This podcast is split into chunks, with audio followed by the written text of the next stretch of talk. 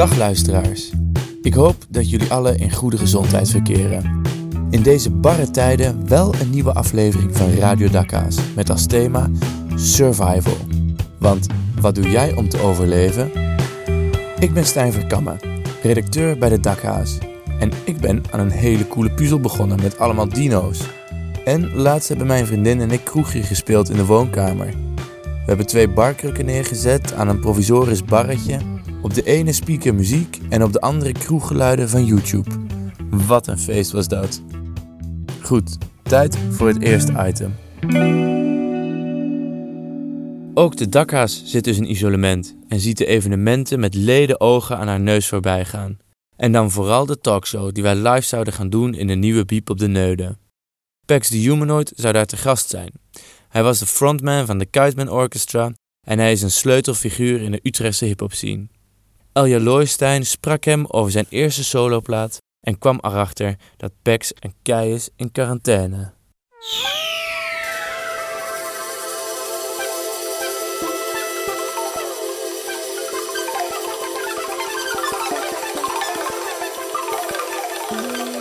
Het had zo mooi kunnen zijn op 20 maart, de eerste echte talkshow van de Dakhaas. In de Biep op de Neuden. Uh, Super mooie ruimte. Uh, we hadden snacks. Het zag er helemaal fantastisch uit. En uh, als eerste gast hadden we Pax uitgenodigd. bekendheid uit de Utrechtse hip-hop scene. Ja, we weten allemaal wat er toen gebeurde. Het ging allemaal niet door. Maar gelukkig kunnen Pax en ik nu nog wel even praten via het internet. Ja, hoe gaat het met je? Um, best wel goed, eigenlijk. Um, ik heb een beetje van mijn vader geërfd dat we best goed gedijen in een crisis. Dus die, uh, die kan zich aan alles irriteren tot zijn huis in de fik staat. En dan in één keer is hij uh, super scherp en weet hij weer wat belangrijk is. En dat heb ik ook een beetje. Dus we zijn uh, hier twee bedrijven aan het runnen met de kleine op schoot. Het is zwaarder dan normaal wel. en sommige dingen gaan dus, moeten even wat, wat langer worden uitgesteld en zo. Maar ja, ik kan toch niet toeren, dus ja. dat vlakt elkaar een beetje uit zo. Komt wel goed. Ja, ja want uh, je stond natuurlijk echt op het punt om op tournee te gaan. Want uh, ja, dat de Dakhaas praat niet doorging was natuurlijk erg. Maar uh, dat een week later de release show van je album niet doorging... Was ook inderdaad een beetje erger. een bammer. Ja, ja, ook een beetje klopt. een bammer. Ja, hoe, hoe ging dat? hoe heb je dat beleefd?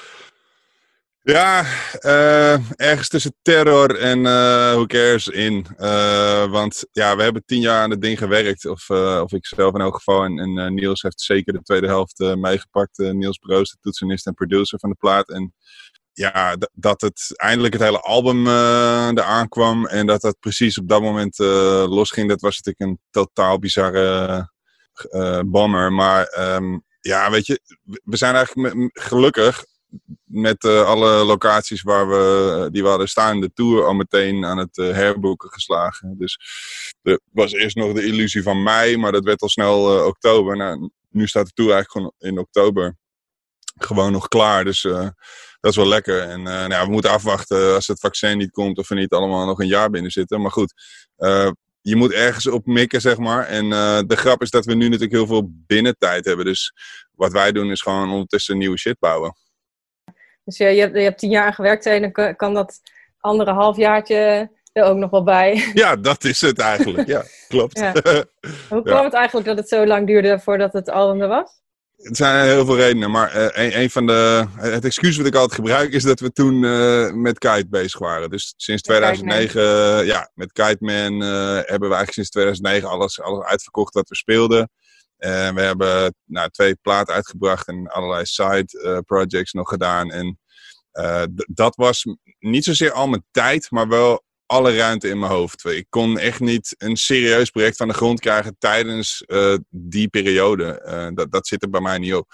Um, maar wat ik wel deed is uh, achterin de bus, terwijl we on tour waren, een biertje spelen. En daar begon het een beetje met, ja, met, met, met songs bouwen en tracks schrijven. En toen uh, kwam Niels naast me zitten van wat ben doen? En uh, toen dacht ik, oh, ik laat die jongen even een uh, pianootje inspelen. Want die kan zo goed met toetsen en zo. En toen heeft hij de hele plaat overhoop geproduceerd. En helemaal ja, alles eruit gehaald wat erin zit. Dat was echt een trip, de trip van mijn leven. Dat, dat heeft natuurlijk ook nog wat extra jaren gekost om, om daar alles uit te halen. Dus ik De tweede reden eigenlijk is dat ik voor deze plaat geen deadline wilde.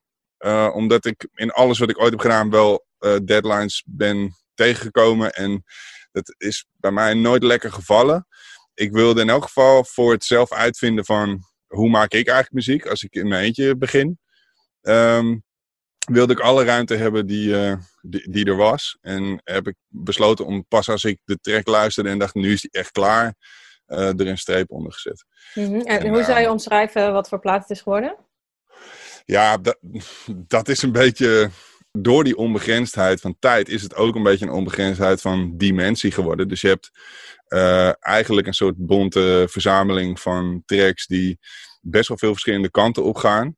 Uh, en binnen de tracks ook nog eens een keer allerlei verschillende kanten op gaan. Dus uh, sommige zijn echt uit de hand gelopen tot soort symfonieën. En uh, andere zijn veel meer bij de, bij de kern gebleven, omdat we die in de loop der tijd juist helemaal tot de kern hebben gestript. Maar ja, je hoort wel echt aan de plaat ook dat er een soort tocht is gemaakt met die muziek. Dus als je klaar bent met luisteren van, van de 40 minuten muziek die erop staat, heb je het gevoel dat je drie uur op zit te luisteren. Een deel is ook op je jeugd gebaseerd. Tenminste, je hebt echt teruggegrepen op jouw jeugd, toch? Uh, kun je ja. dat even vertellen?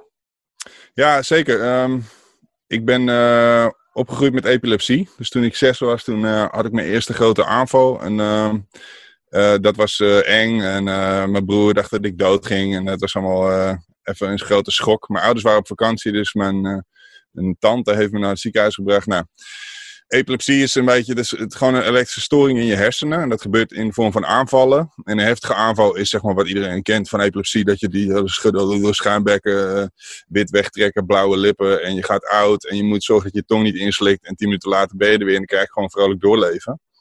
Um, maar ik had een variant met heel veel kleine aanvalletjes ook. Dus een soort narcolepsie wordt het dan. En dus dan, dan loop je over straat en dan vroom, ben je opeens weg en dan ben je er weer met een bijl op je hoofd. En dat is nogal riskant uh, in het leven als je zeg maar zes bent en je, en je wil overal uh, spannende dingen gaan doen en uh, gaan zwemmen en dat soort dingen. Dat kan allemaal niet zonder zwemvest met, weet je wel, dus allemaal die dingen waar je net een beetje begint soort van niet voor lul te willen staan. Ga je, moet je overal voor lul staan, wil je niet doodgaan. dus ik moest ook aan de hand van mijn moeder de straat op en dat soort dingen. En dat heeft me heel erg geïsoleerd. Want op een gegeven moment word je daar gek van en denk je, weet je wat, laat maar. En dan ga je op zolder uh, alleen maar je gedicht zitten schrijven. En dat heeft een beetje zo van 6 tot 16 uh, ja, het merendeel van mijn tijd in beslag genomen. Gewoon op zolder lyrics schrijven. Ja, nou ja, de vergelijking met de huidige tijd dringt zich natuurlijk wel op. Moet je daar vaak ja. aan denken nu? Ja, dat is de, de ironie van dit hele ding, dat nu dus die tour gecanceld is, is van ja, het, het is wel gewoon dat we, de hele wereld wordt weer in het isolement gestopt waar ik toen in zat. En nu dus de afgelopen tien jaar eigenlijk ook weer, van begin Kiteman tot nu, heb ik, heel, heb ik eigenlijk tegen bijna alles nee gezegd, heel, heel lang. Maar nu begint voor de rest van de wereld eigenlijk, eigenlijk eenzelfde soort fase van oké, okay, hoe lang gaat dit duren, we weten het niet. Maar het soort van, ja, door, door een ziektebeeld worden we gedwongen om thuis te blijven. Ja, ik, ik ben er dus mee opgegroeid. Dus misschien heeft dat ook wat te maken met dat ik behoorlijk gedij in deze crisis.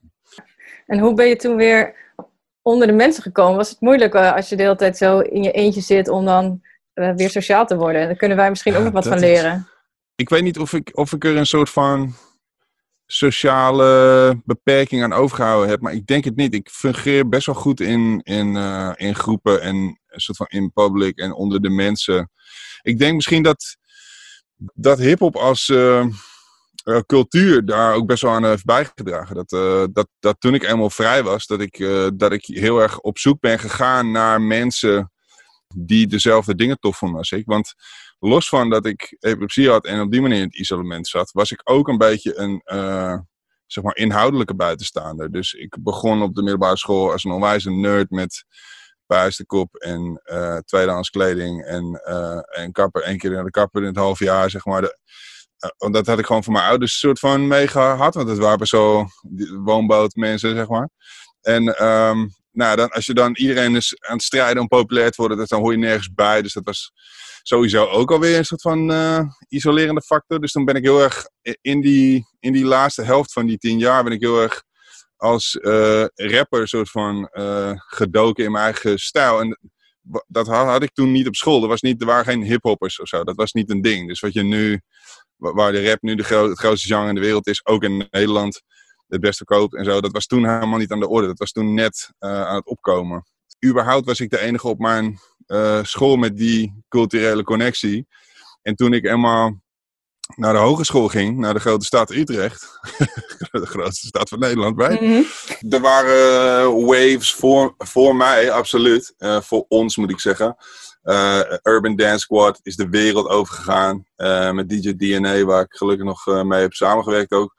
Simon Kipski, uh, waar ik ook zei het wat underground uh, in Dutch Rag Groove mee heb kunnen samenwerken. En wij zijn meer van de, ja, de, even, even oneerbiedig samen te vatten in de Kite Man Wave. Maar er is natuurlijk veel meer gaande, met de Boom uh, die tegelijkertijd ook losgingen. Daar heb ik wel echt alles en iedereen meegemaakt in, in die derde wave. En ja, wij hadden Stichting Habek en daarmee hadden we ook uh, ruimte met studio's en uh, waar we jonge ontwikkelende talenten konden huisvesten en zelf ook dingen konden maken. Later is dat overgevloeid in Cartopia en zo.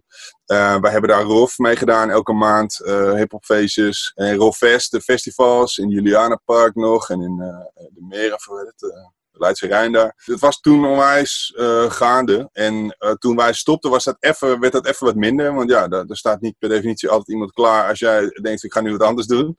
Uh, maar je merkt gewoon, al het duurt een paar jaar, dat er dan toch weer een initiatief opkomt. En ja, zo ben je via Hof van Jaden, van, van Jermaine Bridgewater... Um, Jay van de Stopschrikkers, die guy is dat. Die had een initiatief waar die acts bij elkaar wist te brengen.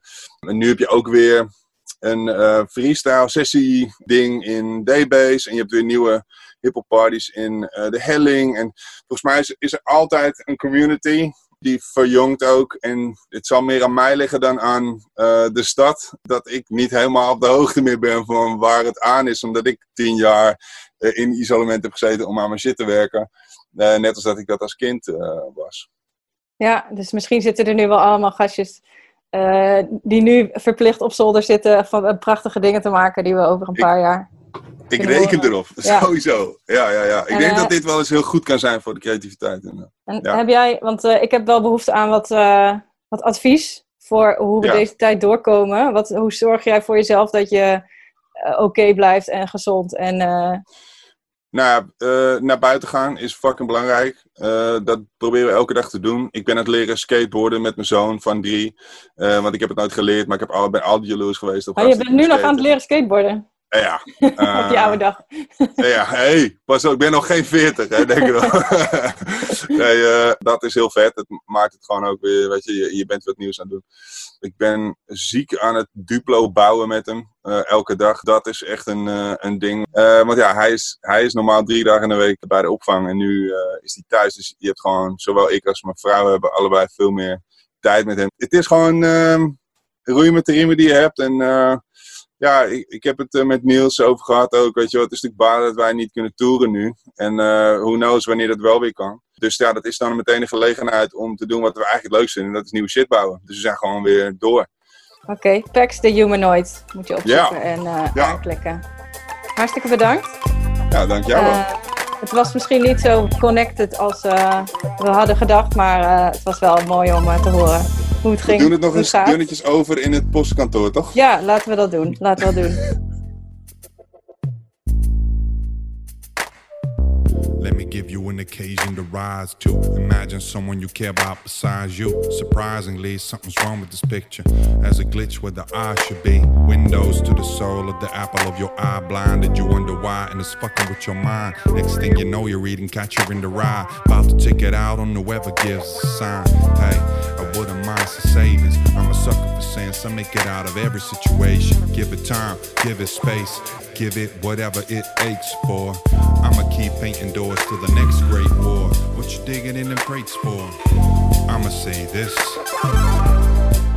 You should create more.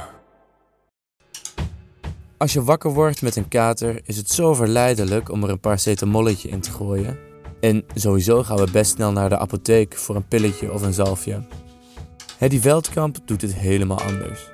Achter de metaalkathedraal heeft ze haar kruidentuin waar ze plukt wat ze nodig heeft om gezond te blijven. Janneke Aronson onderzocht het in deze bijdrage. Die is ontstaan in samenwerking met de Metaalkathedraal. Ik was vroeger een echt buitenkind. Of het nou een zwoele zomerdag of een kille winterdag was, het grootste deel van mijn tijd bracht ik buiten door. Kikkervisjes vangen bij de plas, op avontuur door de appelboomgaard, hutten bouwen van afgebroken twijgen. Het Zeeuwse platteland was mijn speeltuin.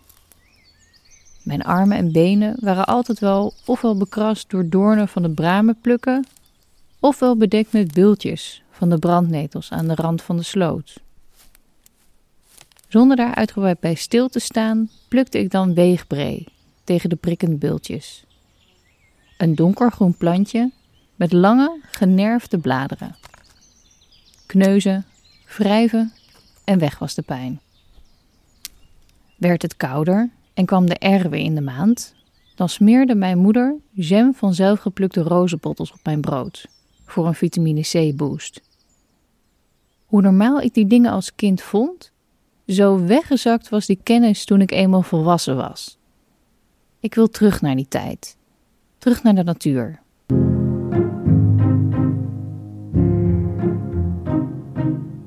Je luistert naar Het Groene Medicijn. In deze korte audiodocumentaire hoor je kruidengeneeskundige Hedy Veldkamp vertellen over het belang van groene medicijnen in de moderne tijd. Kun je een paracetamolletje tegen de hoofdpijn vervangen door een plantje? Welk onkruid uit de berm is geschikt tegen kwaaltjes? Kan de natuur je apotheek zijn? Mijn favoriete kruid, dat is de rode zonnehoed, de Echinacea. Ziet eruit als een, uh, is een kop als een egel. Rood, keihard. Daar zitten dan roze lintbloemetjes aan. Ja, dit is eigenlijk zo'n heel mooi kruid voor de weerstand. Hè? Dus als er een griepje komt in de winter of uh, je voelt al van oké, ik weet niet zeker of ik me lekker voel. Nou ja, dan ga ik gelijk aan de echinacea. Dan ga ik vroeg naar bed en dan uh, is het morgen misschien voorbij. Ja, ik vind het zo bijzonder mooi. Dit is Hedy, kruidengeneeskundige. 56 jaar, grijs haar in een rommelige staart. Zwarte randjes onder haar nagels verraden dat dit handen zijn die veel buiten komen. En glinsterende ogen, vooral als ze het over haar kruiden mag hebben. Daar weet Hedy alles vanaf.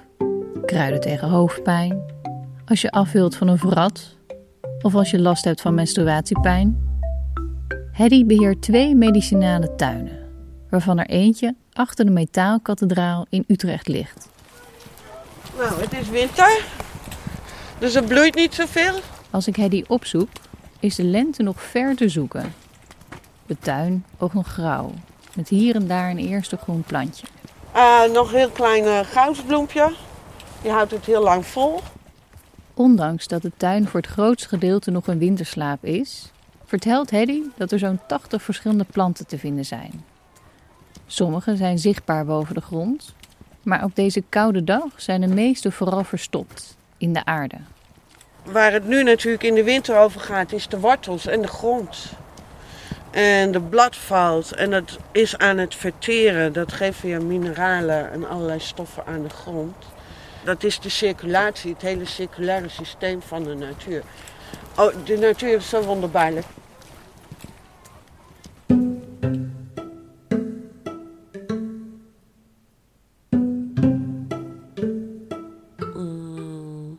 Ja, mijn allereerste herinnering gaat heel ver terug uh, aan kruiden. Uh, ging ik daar logeren op de boerderij. Oma, zeg maar, dat noemden wij opoe.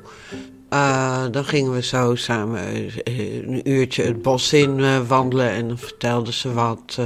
de wegenbree voor de brandneteljeuk en de hondstraf, die helpt daar ook voor.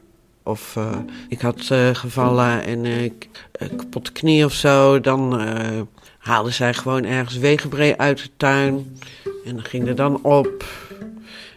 in plaats van een pleister, een jodium, deed zij dat. Daar werd wel een zaadje geplant. nou ja, het was een soort van normaal. Oh ja, dat doe je bij Opel. En pas op heel veel latere leeftijd dacht ik van... oké, hier wil ik toch meer van weten.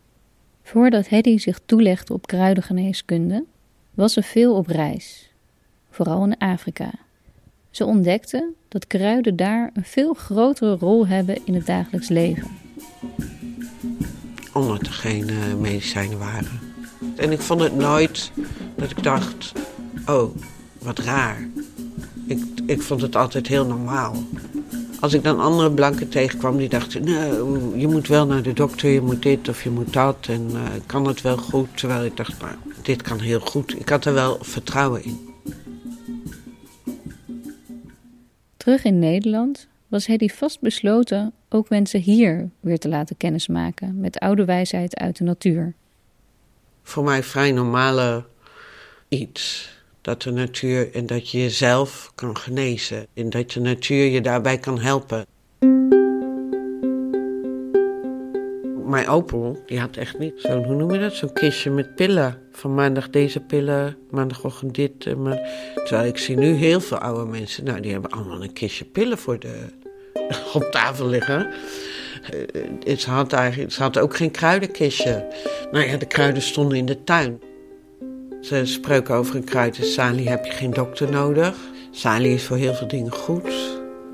Nou ja, dat soort spreuken in de taal vind ik al dat je daaraan weet van uh, is al heel lang bekend.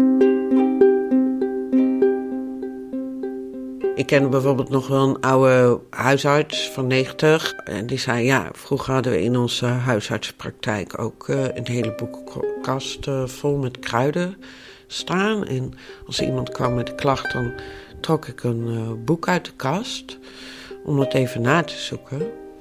Maar in de jaren zeventig moest, moest het allemaal aan de kant, kon het niet meer. En uh, toen moesten ze allerlei medicijnenboeken in de kast. Wat ik eigenlijk zeg, uh, ze hebben het kind met het badwater weggegooid. Ja, ik denk dat mensen er klaar mee zijn dat, uh, dat het allemaal zo chemisch wordt. En ja, ik denk ook dat er andere tijden komen dat mensen gewoon een soort anders uh, willen leven. Nou ja, je zit tien minuten bij de dokter, je krijgt een pilletje mee en dan moet je het verder maar uitzoeken. Terwijl uh, je veel, uh, uh, veel beter op zoek kan gaan. Wat is de oorzaak van mijn klacht? En welke organen hebben daar mee te maken? Dat is een veel breder palet. Maar goed, je moet wel weten welke planten wel en welke planten niet. De signatuurleer is de leer van planten en kruiden die verwijzen naar de werking ervan op het lichaam. Dus uh, net zoals bij de rode zonnehoed zit rood in, dan verwijst naar werking op het bloed. Heeft hij haartjes, is hij behaard, heeft hij werking op de huid. Heeft hij uh, hele sterke geur, dan zitten er uh, etherische oliën in die antibacterieel werken. Ja, zo heb je heel veel aanwijzingen dat je weet van oké, waar moet ik naar kijken. Maar het betekent niet dat al het rode planten nu werking hebben op het bloed. Maar het is een soort geheugensteuntje. Goed, stel. Je voelt die irritante hoofdpijn of die zeurende buikpijn weer opkomen. En in plaats van een pakje paracetamol bij de drogist te halen, wil je wel eens wat anders proberen. Iets natuurlijkers. Je kijkt je tuin in en denkt: oké, en nu? Uh, hoofdpijn, ja, dat is heel vaak de lavendel. Hoofdpijn is dus, de, er is te veel activiteit in jouw hoofd. Lavendel is, heeft een ontspannende werking. Dat laat jouw energie een beetje zakken. Hè? Is ook zo'n bloemetje met een ijzeren stengel. Als je probeert te plukken met je vingers, dat lukt je niet. Die is ijzerhard. Die is ook heel goed tegen hoofdpijn. Paardenbloem is echt wel een uh, goede plant. Uh, daar zitten bitterstoffen in en die bitterstoffen die, uh, die zijn heel goed voor de spijsvertering. Die laten, zet, laten ook het bloed circuleren. En de paardenbloem is verder ook nog heel reinigend via de nieren. menstruatiepijn. Ja, dan, dat, uh, daar heb je vrouwenmantel voor. De vrouwenmantel is uh, heel zacht, uh, zacht kruid, rond blad en ook behaard. en de, dat verwijst ook naar de huid. De baarmoeder is natuurlijk huid van binnen. Ja, daar, dat is, maar het is eigenlijk voor een niet doorkomende menstruatiepijn. En hij zet ook weer aan naar de onderbuik. Dus die vrouwenmantel moet je niet nemen als je zwanger bent bijvoorbeeld. Want dan kan je een miskramp van krijgen. Want die trekt strak. Ben je het kind zat, ben je tegen de negen maanden denkt, nou, wil maar niet komen. Dan neem je juist vrouwenmantel. Voor wratten gebruik je stinkende vrouwen. Eh, stinkende voor wratten gebruik je stinkende gouden. Ah, die heeft geel sap. En daar stip je je wrat mee aan. Uh, dat doe je een paar keer. Is echt onkruid, zie je overal uh, wel groeien. En dan wordt je wrat wordt op een gegeven moment zwart en dan valt hij eraf.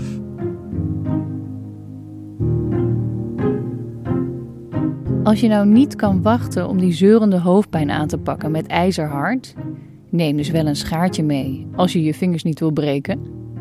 Informeer jezelf van tevoren goed. Sla er een boek op na. Volg een workshop of loop eens mee met een wielplukwandeling. Maar ga niet zomaar wat plukken als je niet 100% zeker bent. Anders moet je alsnog pillen gaan slikken. En dat was nou juist niet de bedoeling. Terug naar de tuin. Wat in mijn ogen eerst oninteressant onkruid leek, zijn nu ineens planten met een eigen verhaal. Die zogenaamde saaie bermen zullen nooit meer hetzelfde zijn. Mijn EHBO-kitje trouwens ook niet. Die is inmiddels gevuld met goudsbloemolie, lavendeltinctuur en weegbreezalf. Al pluk ik die laatste nog steeds vaak in het wild. Die vele schrammen en bulten is bij mij met de jaren namelijk nooit echt veranderd.